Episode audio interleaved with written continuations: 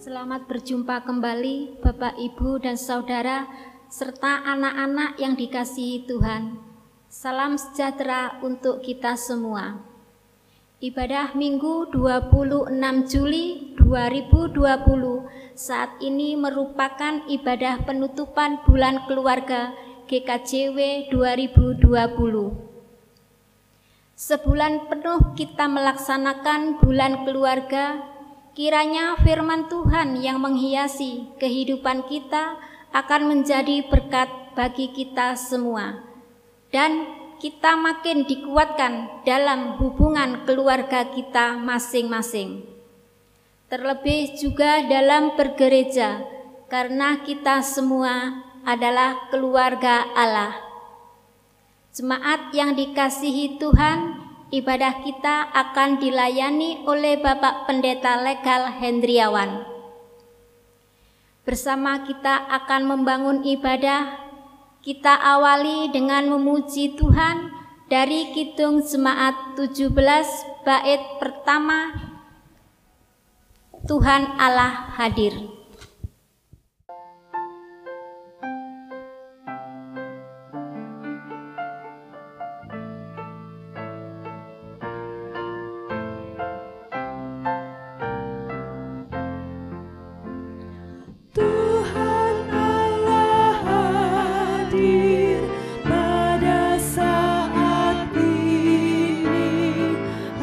semua sujud di sini.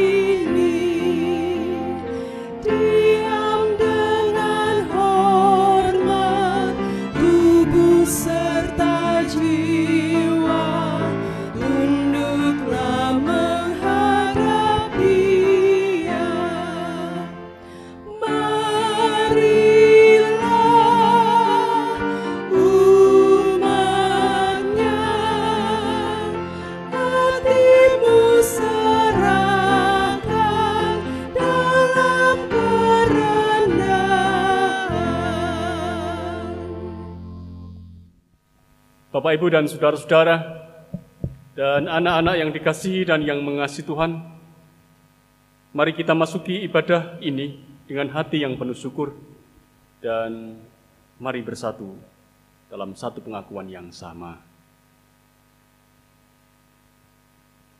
Pertolongan kita adalah dalam nama Tuhan, Allah yang selalu menyatakan kebaikan kepada dunia yang telah diciptakannya.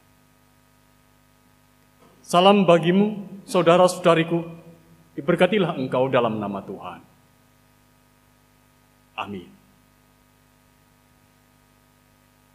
Bapak, Ibu, dan saudara-saudara yang dikasihi dan yang mengasihi Tuhan, tema ibadah kita pada saat ini, kita terima dari surat Rasul Paulus kepada jemaat di Roma, pasal 13, ayat 38 sampai ayat yang ke-39 yang dituliskan kepada kita.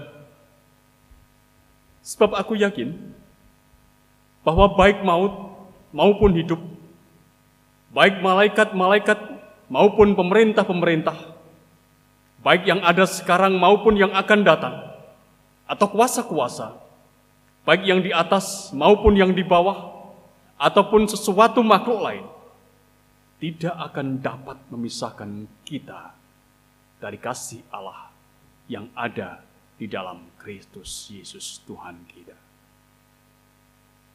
Amin. Mari kita agungkan Tuhan. DKC 289 bait 1 dan 3.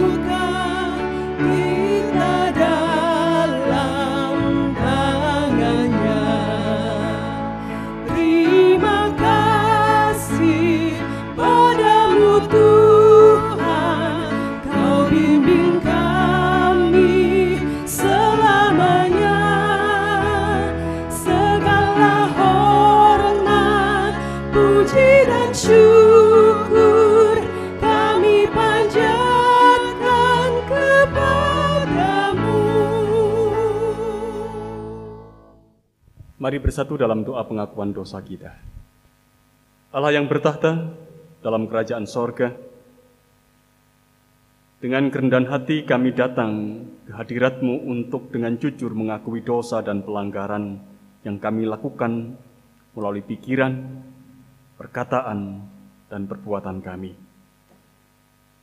Engkau tahu ya Allah, sering terjadi dalam hidup kami, Ketika kami diperhadapkan dengan persoalan dan pergumulan, kami hanya mengandalkan kekuatan kami. Kami sering tak mau merendahkan diri kami untuk memberi ruang dan persilahkan Engkau hadir terlibat menyelesaikan persoalan dan pergumulan kami. Memang Tuhan, kami mohon kepada Engkau, tetapi kami tetap mau melakukan dengan cara kami.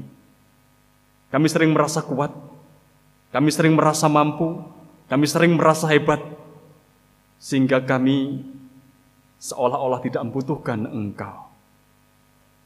Ampuni kami Tuhan, kalau semua yang kami lakukan itu mendukakan hatimu. Ampuni kami pula, terutama di masa pandemi COVID-19 ini. Kami sering terbelenggu oleh kecemasan dan ketakutan berlebih sehingga kami melupakan kebesaran dan kuasaanmu yang sebenarnya jauh melampaui semuanya itu. Ampuni kami pula ya Allah, ketika kami lupa untuk bersyukur kepada Engkau untuk semua kebaikan dan kesetiamu yang sudah Engkau nyatakan di dalam kehidupan kami. Bapa di sorga, untuk itu semua kami mengungkapkan permohonan kepada Engkau ya Allah. Sekali lagi, mohon pengampunanmu. Mohon engkau yang memperbaharui kehidupan kami. Dan dalam pembaruan Kristus, biarkanlah kami merasakan kemerdekaan dari engkau. Kami mengucapkan doa kami dalam nama Tuhan Yesus. Amin. Bapak, Ibu, dan Saudara-saudara yang dikasihi dan yang mengasihi Tuhan, Siapa pun juga yang mengakui segala dosanya di hadapan Tuhan dengan segala kejujuran, yang beritakan kepada kita berita pengampunan. Seperti tertulis di dalam Yesaya pasal 41, ayat 9b dan ayat yang ke-10. Yang diberitakan kepada kita berita pengampunan itu. Aku berkata kepadamu, engkau hambaku. Aku telah milih engkau dan tidak akan menolak engkau. Janganlah takut, sebab aku menyertai engkau. Janganlah bimbang, sebab aku ini Allahmu. Aku akan meneguhkan, bahkan menolong engkau. Aku akan memegang engkau dengan tangan kananku yang membawa kemenangan. Amin. Seiring dengan berita pengampunan ini, mari kita kembali agungkan Tuhan. Hitung jemaat 392 bait 1 dan 3.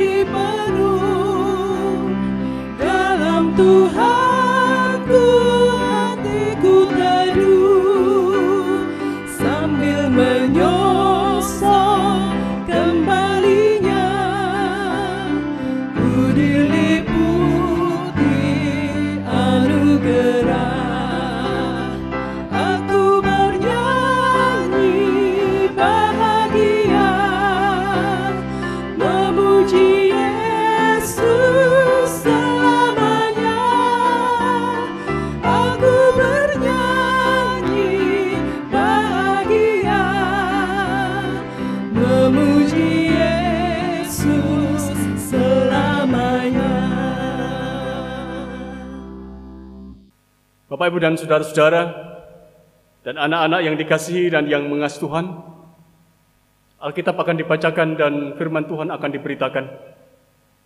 Mari kita mengawalinya dalam doa supaya Allah sendiri berkarya. Di dalam kita akan baca dan merenungkan sabdanya.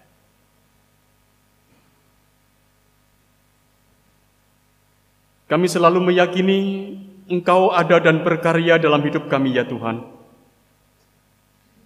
Yakinan ini yang mendorong kami untuk terus menjadikan Engkau sebagai pribadi yang kami andalkan dalam setiap langkah hidup yang kami jalani.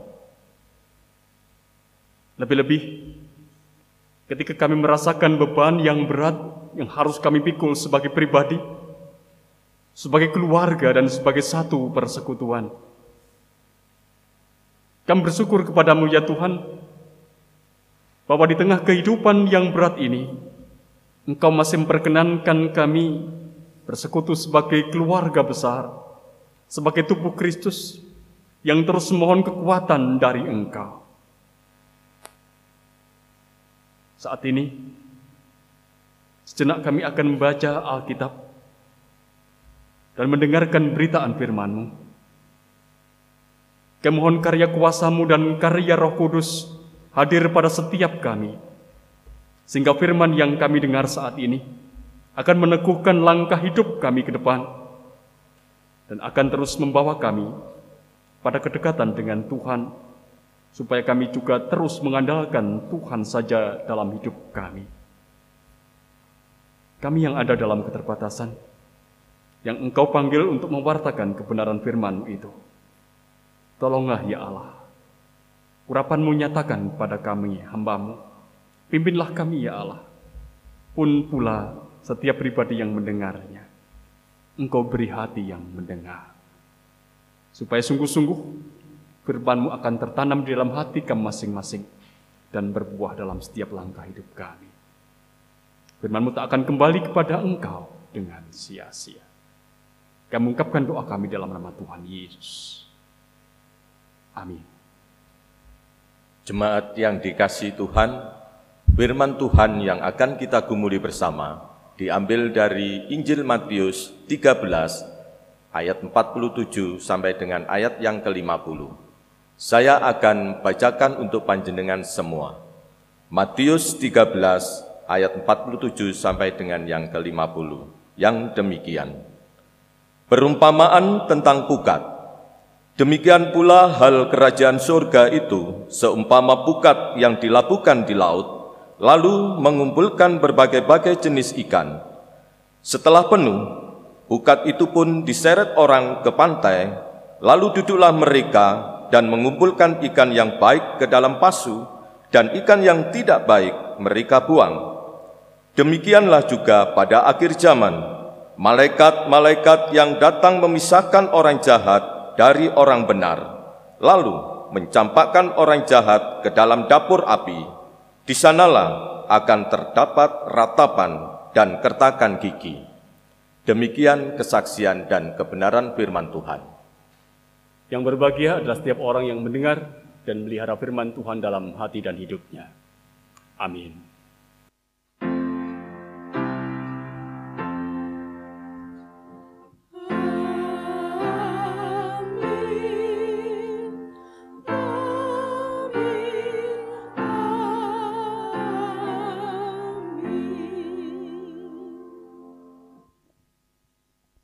Bapak, Ibu, dan saudara-saudara, dan anak-anak yang dikasihi dan yang mengasihi Tuhan, dari bacaan kita tadi, mari kita perhatikan ayat 49 dan ayat yang ke-50.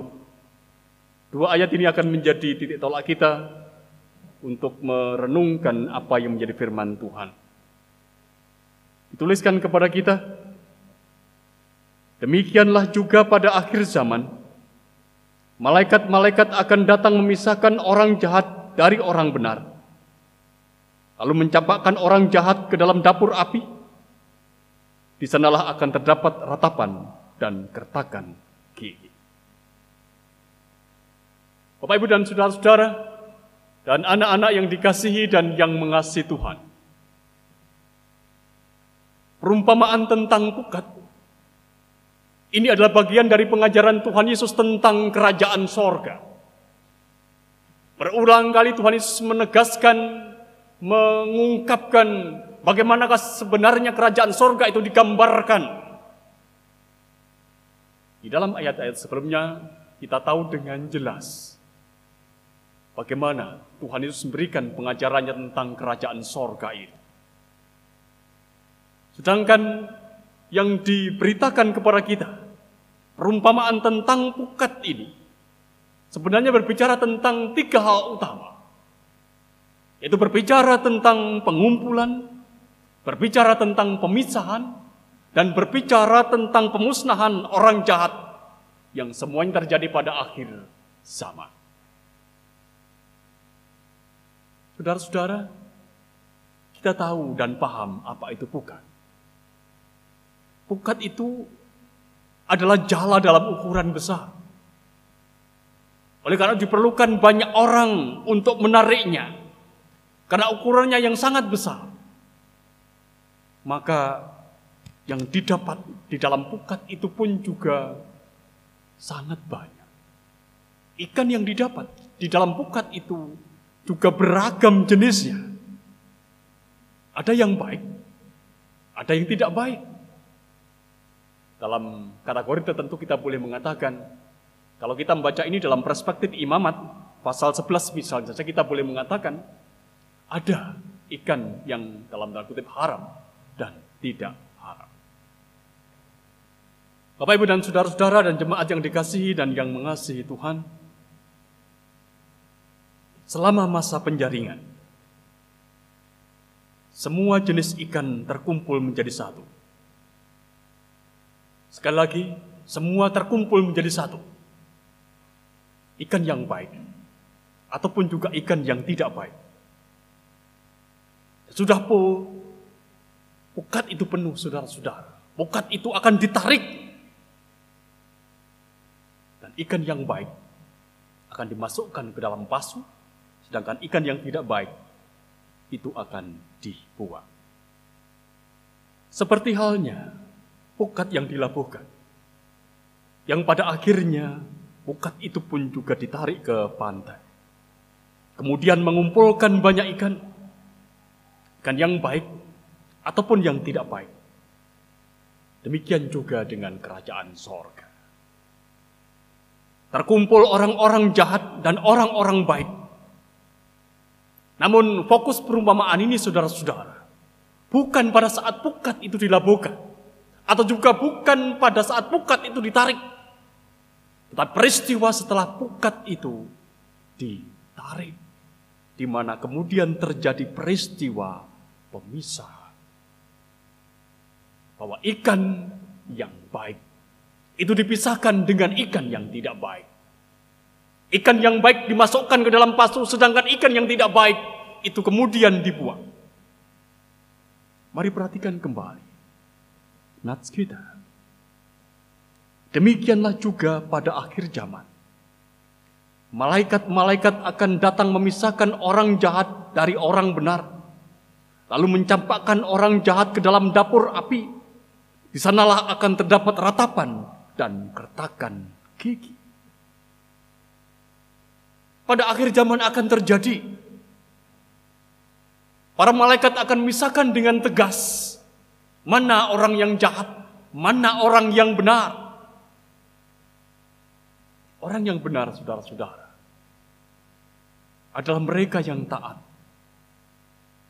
dan melakukan apa yang menjadi kehendak dan hukum Allah. Orang yang jahat adalah mereka yang berperan sebagai sumber kedosaan. Dan mereka yang berperan sebagai sumber kedosaan inilah yang dicampakkan ke dalam api yang menyala-nyala yang dikatakan kepada kita bahwa di sana ada ratapan dan kertakan gigi.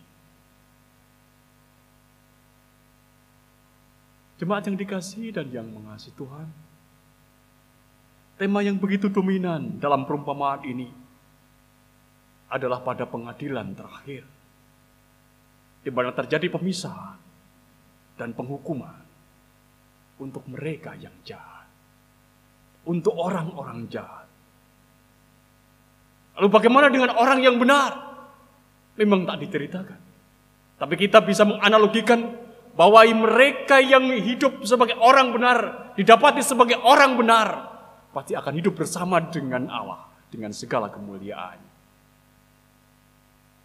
Oleh karena itu, Bapak Ibu dan saudara-saudara yang dikasih dan yang mengasihi Tuhan, perumpamaan ini sebenarnya mengingatkan kepada kita semua, supaya kita berjuang untuk hidup sebagai orang benar dan tetap belajar setia kepada Allah. Karena pada akhirnya setiap orang, setiap pribadi akan berhadapan dengan pengadilan Allah. Atau dalam bahasa perumpamaan kita, setiap pribadi akan berhadapan dengan pemisahan yang itu dilakukan oleh otoritas Allah melalui malaikat-malaikatnya. Dan akan didapati siapakah kita? Apa kita adalah ikan yang baik apa kita orang-orang benar? Yang dalam perumpamaan ini ikan itu dimasukkan ke dalam pasu? Atau justru kita adalah orang yang jahat yang seperti ikan dalam perumpamaan ini dibuang karena tidak berguna di hadapan Tuhan. Bapak Ibu dan saudara-saudara dan anak-anak yang dikasih dan yang mengasihi Tuhan dalam rangka berjuang sebagai orang benar dan setia kepada Allah. Yang pada akhirnya kita semua ini akan berhadapan dengan pengadilan Allah inilah. Maka sesungguhnya perumpamaan ini mengajarkan paling tidak kepada kita tiga hal yang perlu kita sadari dalam hidup supaya dalam kesadaran inilah kita sungguh-sungguh boleh menghayati bahwa perumpamaan ini bermakna bagi kehidupan kita. Yang pertama, saudara-saudara, perumpamaan ini mengingatkan kepada kita dan menyadarkan kita bahwa dalam lautan kehidupan, di mana pukat itu ditebar, maka di situ kita harus berkompetisi. Tidak bisa tidak. Kita harus bersaing Tentu kita masih ingat saudara-saudara, khotbah minggu lalu terkait dengan lalang di antara gandum. Bahwa lalang dan gandum itu ada bersama, hidup bersama. Sampai pada akhirnya saudara-saudara dipisahkan setelah pada masa panen. Demikian pula halnya dengan apa yang disampaikan kepada kita. Pada saat ini, ikan yang baik dan ikan yang tidak baik. Orang yang benar dan orang yang jahat ada dalam satu pukat yang ditarik di dunia ini. Yang pada akhirnya saudara-saudara tetap akan dipisahkan. Ikan yang baik dan ikan yang tidak baik. Orang yang jahat dan orang yang benar. Dan kita boleh mengatakan saudara-saudara, hidup dalam keadaan seperti ini tentu tidak mudah. Oleh karena itu kita perlu berjuang bersama. Berjuang bersama. Berjuang bersama sebagai satu keluarga.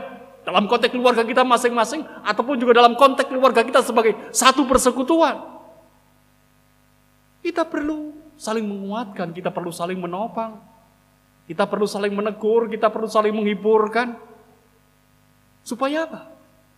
Supaya dengan saling mengingatkan ini, kita boleh tetap menjaga kehidupan kita-kita ini ada dalam kompetisi yang benar karena kita belajar untuk hidup dengan benar.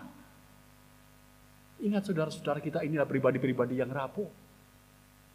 Kita tidak beli kekuatan apa-apa, kita mudah jatuh.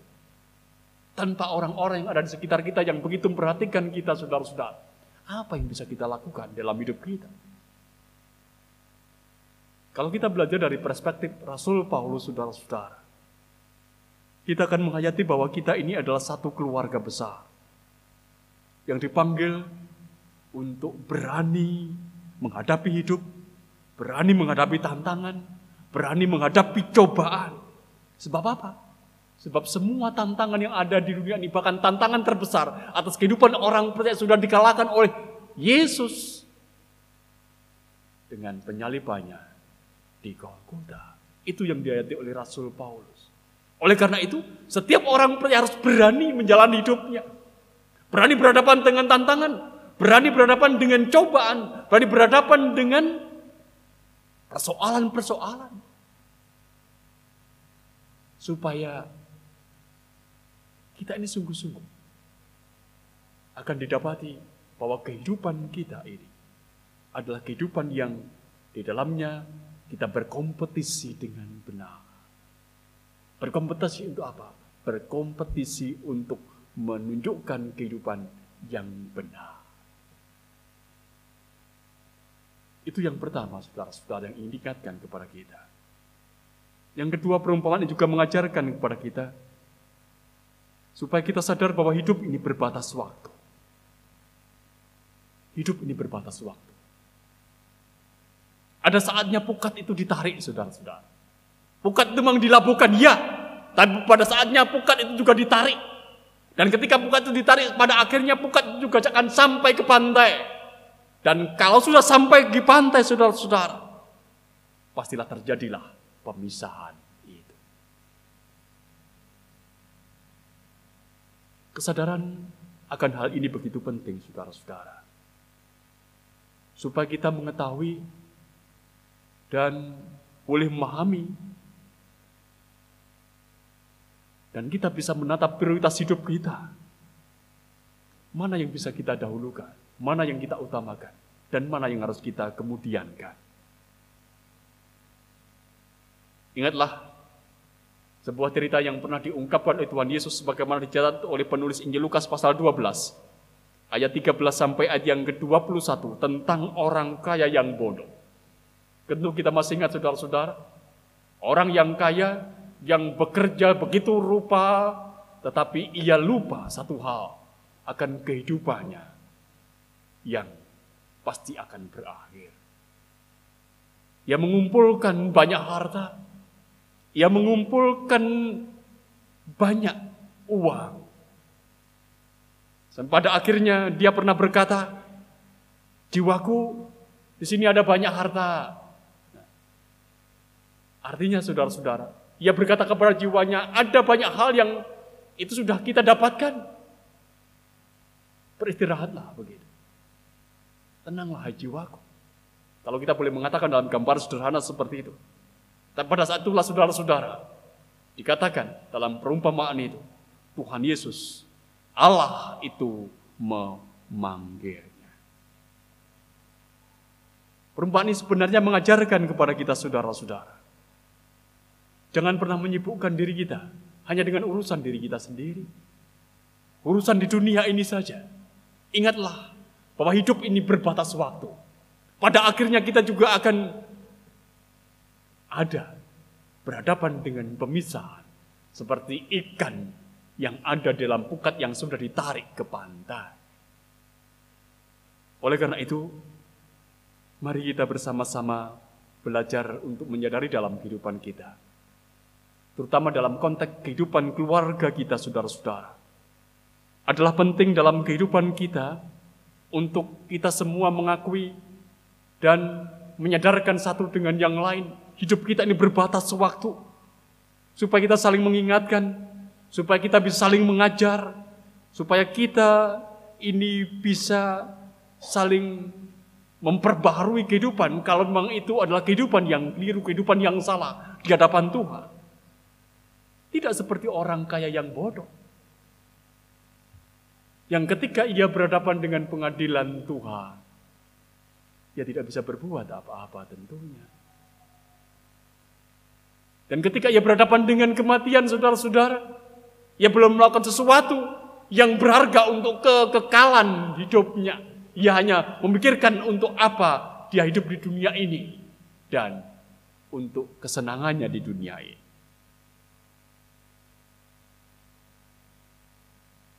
Itu yang kedua. Yang ketiga yang ingin diingatkan kepada kita dari perumpamaan ini saudara-saudara, supaya kita sadar untuk tidak tergiur pada kejahatan. Karena pada akhirnya orang-orang jahat itu akan dihancurkan oleh Allah. Sekali lagi perumpamaan ini mengajarkan kepada kita, supaya kita tidak tergiur pada kejahatan. Ayat yang ke-50 mengatakan kepada kita, lalu mencampakkan orang jahat ke dalam dapur api, di sanalah akan terdapat ratapan dan kertakan gigi. Saatnya akan tiba pemisahan dan pemusnahan. Dalam kehidupan keseharian saudara-saudara kita mengetahui dan kita merasakan betapa kejahatan atau orang jahat itu juga sering menawan hati orang lain. Tidak kita sering mendengar ungkapan si A, si B, orang itu loh orang jahat. Tetapi mengapa kehidupannya begitu luar biasa? Kehidupannya kok selalu makmur, kehidupannya selalu tercukupi. Bahkan dia semakin tambah kaya, dia semakin dihormati oleh banyak orang. Padahal kita dia adalah orang yang jahat. Tidakkah ini mempesona banyak orang? Bahkan pemazmur saudara-saudara. Kalau kita sering membaca kitab Mazmur, kita akan mengetahui nuansa itu juga sangat jelas diungkapkan oleh pemazmur. Ia pernah iri dengan kehidupan orang-orang jahat yang dipandangnya sangat-sangat berlebih. Dalam pengertian, orang-orang jahat itu hidupnya seolah-olah ada dalam damai. Hidupnya adalah hidup yang ideal. Sang pemazmur pernah merasa iri dengan mereka. Tapi kita diingatkan saudara-saudara. Seperti halnya sang pemazmur yang pada akhirnya menghayati bahwa apa yang mereka terima sebagai apa yang baik di dunia ini. Sang pemazmur mengatakan itu adalah hal yang palsu. Demikian pula halnya dalam kehidupan kita saudara-saudara. Jangan pernah terpesona oleh kejahatan atau jangan pernah kita terpesona oleh kehidupan orang-orang jahat. Ingatlah pada akhirnya mereka juga akan berhadapan dengan pengadilan Allah berhadapan dengan pemisah. Dan ketika pemisahan itu terjadi, maka dengan jelas Matius pasal 13 ayat yang ke-50 menuliskan, lalu mencampakkan orang jahat ke dalam dapur api. Di sanalah akan terdapat ratapan dan kertakan gigi. Oleh karena itu, Bapak Ibu dan saudara-saudara dan anak-anak yang dikasih dan yang mengasihi Tuhan, jangan pernah hati kita ditawan oleh kejahatan, terpesona oleh orang jahat dengan segala tindakannya.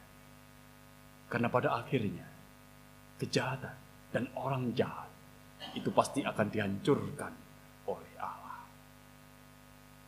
hari ini, saat ini.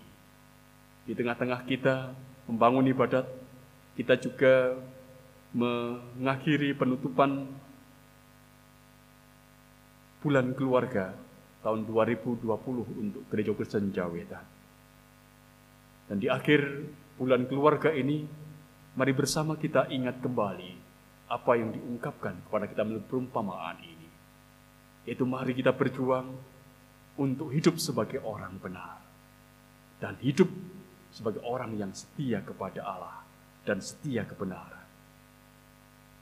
Dan kita tidak bisa berjuang sendiri. Sekali lagi, kita tidak bisa berjuang sendiri. Kita butuh orang lain. Kita butuh keluarga kita, anggota keluarga kita yang saling menopang, saling menguatkan supaya kita tetap ada di dalam kebenaran itu. Oleh karena itu, berjuanglah bersama sebagai keluarga yang sadar bahwa kita ini memang harus berkompetisi di dunia ini. Berkompetisilah dengan benar dan semangatilah dirimu dengan kebenaran. Supaya engkau didapati pada akhirnya engkau adalah orang benar. Belajarlah selalu untuk mengingat bahwa hidup kita ini berbatas waktu. Hidup kita berbatas waktu. Kalau hidup kita berbatas waktu, maka lakukanlah yang terbaik untuk kehidupan kita. Jangan pernah terpesona dalam hidup ini kepada kejahatan. Karena pada akhirnya kejahatan itu akan dihancurkan oleh Allah. Apa yang bisa kita lakukan dalam kehidupan kita saudara-saudara? Itulah sebagai tanda bahwa kita anak-anak Tuhan, keluarga-keluarga ini menghadirkan tanda-tanda kerajaan Allah. Karena apa yang diungkapkan kepada kita saudara-saudara bukan itu adalah gambaran tentang kerajaan Allah. Kerajaan Allah yang terus menjadi, menjadi dan menjadi sampai pada akhirnya berpuncak pada kedatangan Kristus yang kedua. Mari Bapak Ibu dan Saudara-saudara, kita menghayati apa yang difirmankan bagi kita pada saat ini dengan penuh syukur dan sekali lagi berjuanglah untuk hidup sebagai orang benar. Amin. Kita mengambil saat itu.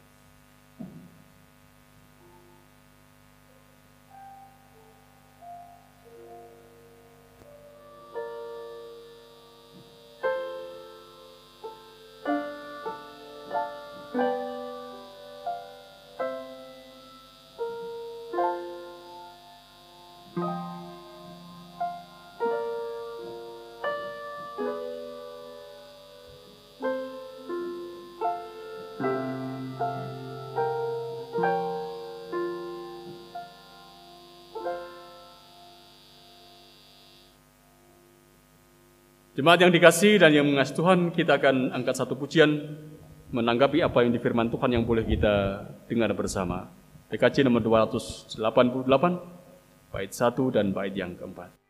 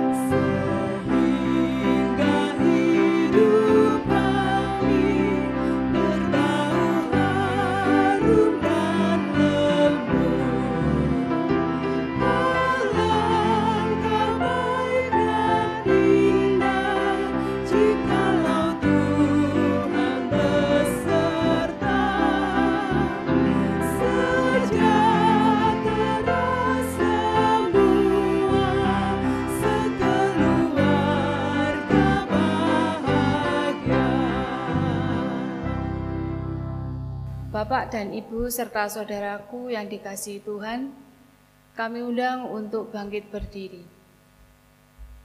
Bersama dengan orang percaya di seluruh muka bumi, mari kita memperbarui iman kita dengan mengikrarkan pengakuan iman rasuli yang demikian. Aku percaya kepada Allah Bapa yang Maha Kuasa, Kalik langit dan bumi, dan kepada Yesus Kristus, anaknya yang tunggal Tuhan kita, yang dikandung daripada roh kudus, lahir dari anak darah Maria, yang menderita di bawah pemerintahan Pontius Pilatus, disalibkan, mati, dan dikuburkan, turun ke dalam kerajaan maut. Pada hari yang ketiga, bangkit pula dari antara orang mati, naik ke surga, duduk sebelah kanan Allah, Bapa yang Maha Kuasa, dan akan datang dari sana untuk menghakimi orang yang hidup dan yang mati. Aku percaya kepada Roh Kudus, gereja yang kudus dan am, persekutuan orang kudus, pengampunan dosa, kebangkitan daging, dan hidup yang kekal. Amin. Jemaat dipersilahkan duduk. Jemaat yang dikasih dan yang mengasihi Tuhan, kita akan dengarkan satu pujian dari Madus Suara Vokal Group di Jalan Hidupku.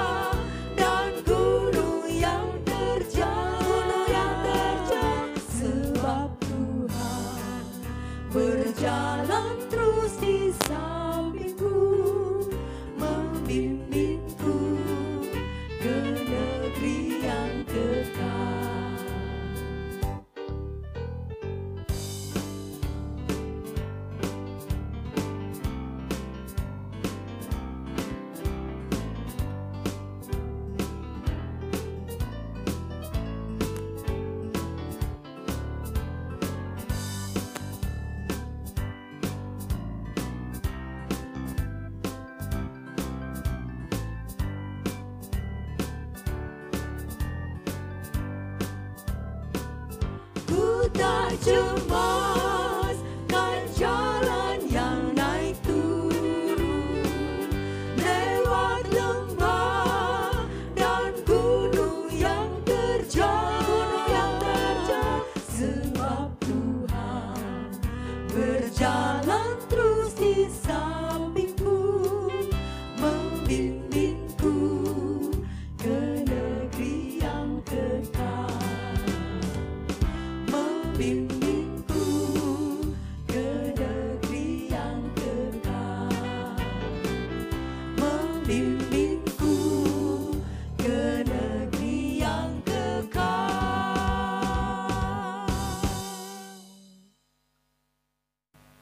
Mari bersama-sama kita angkat syafaat kita pada Allah di dalam doa.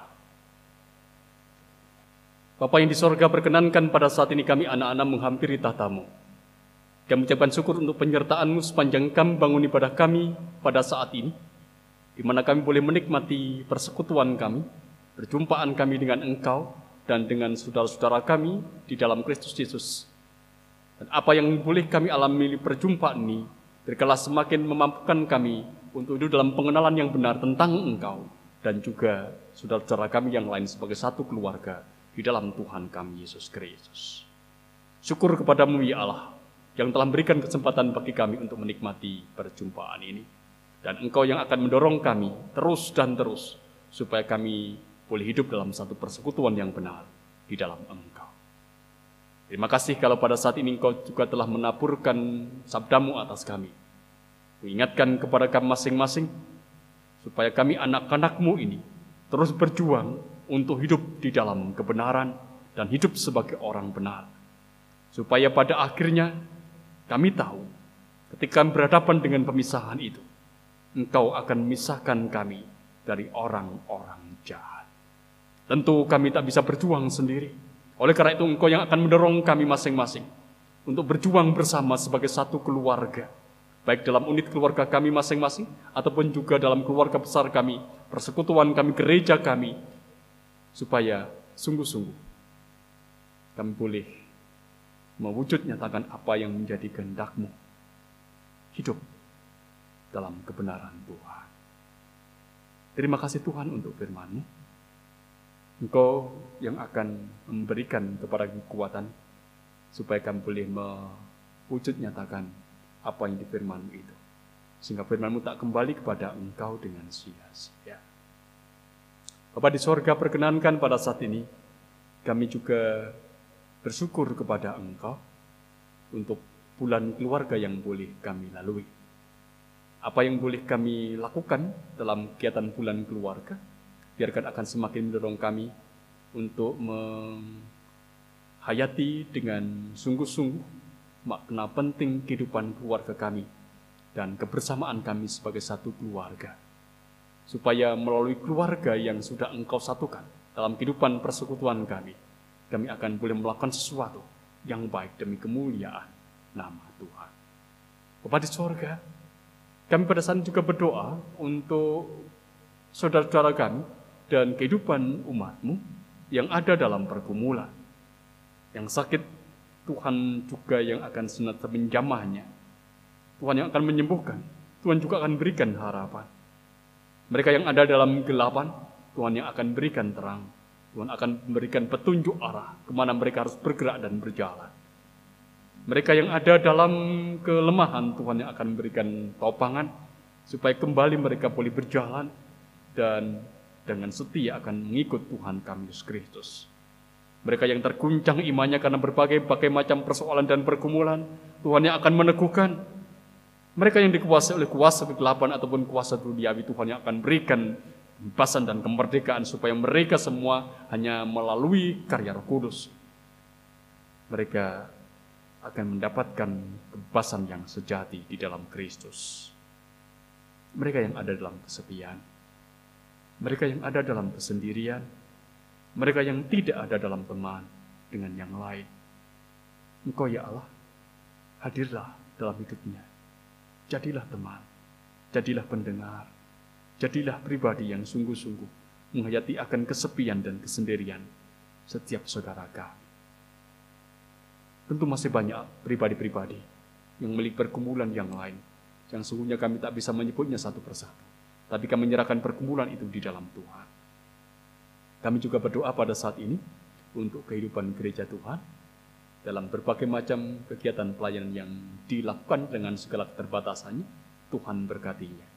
Supaya hanya melalui gereja Tuhan, kami anak-anakmu ini boleh melayani engkau dengan penuh kasih kepada dunia ini dan menghadirkan kerajaan Allah di tengah-tengah kehidupan persekutuan kami.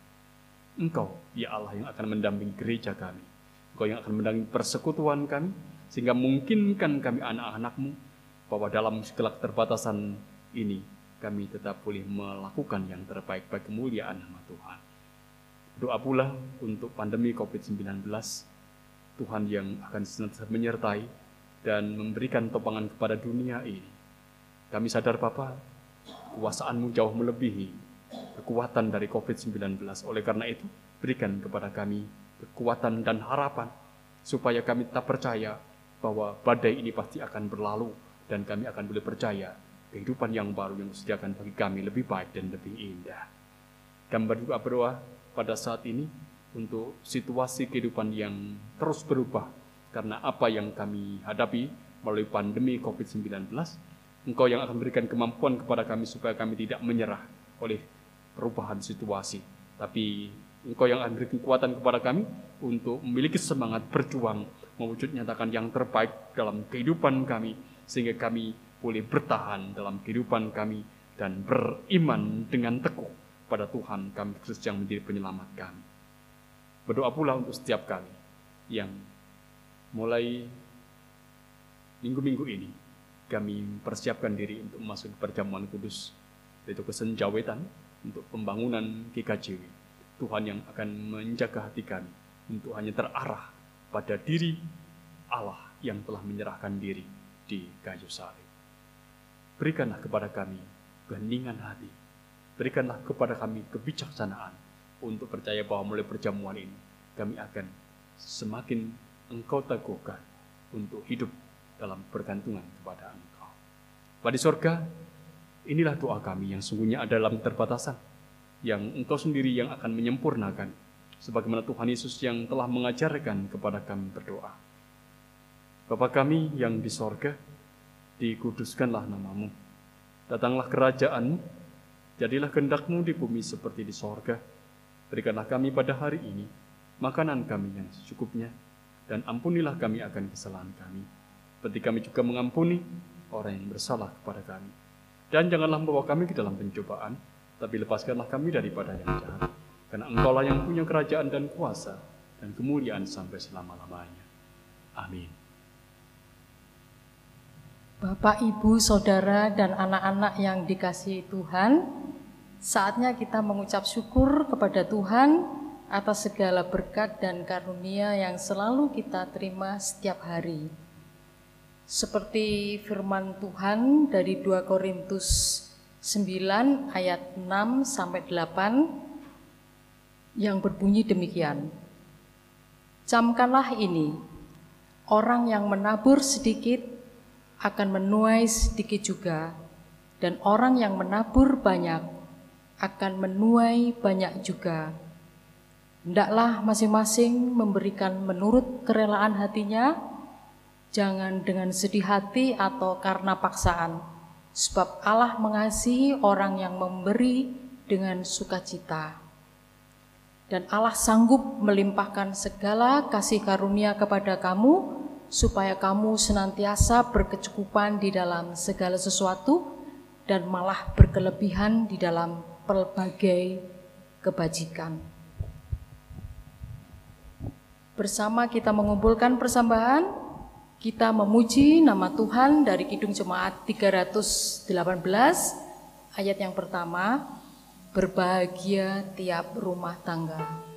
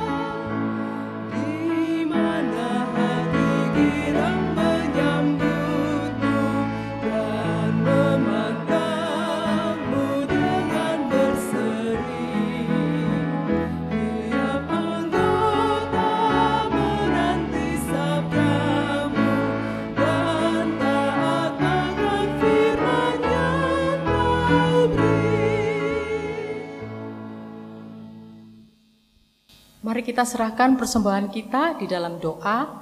Mari kita berdoa. Terima kasih ya Tuhan, pada saat ini kami diberi kesempatan untuk memberikan persembahan syukur kami untuk segala sesuatu yang Tuhan sudah anugerahkan kepada kami, untuk kasih setiamu, kekuatan dan kesehatan, untuk berkat Tuhan yang melimpah kepada kami sekeluarga. Kiranya Tuhan memberkati persembahan kami agar dapat dipakai untuk pelayanan kasih dan pelayanan firman Tuhan di tengah-tengah GKJW Jemaat Malang. Berkatmu yang masih ada pada kami, ajarilah kami untuk dapat mempergunakannya dengan penuh rasa syukur dan bertanggung jawab. Bagi yang Tuhan percayai untuk mengelola persembahan, bimbing dan berkati mereka agar dapat mengelolanya dengan rasa takut akan Tuhan. Inilah doa syukur kami ya Tuhan, yang kami naikkan hanya di dalam nama Tuhan Yesus Kristus. Amin. Bapak, Ibu, dan saudara-saudara dan anak-anak yang dikasihi dan yang mengasihi Tuhan, kita akan undur dari pertemuan ibadah kita, kita akan kembali dalam kehidupan keseharian kita. Mari kita lakukan tugas hidup kita dengan segala kesukacitaan, gembira, dan ungkapan syukur. Ingatlah selalu, mari kita belajar berjuang untuk hidup sebagai orang benar. Hitung jemaat 451, bait 1 dan bait yang kedua.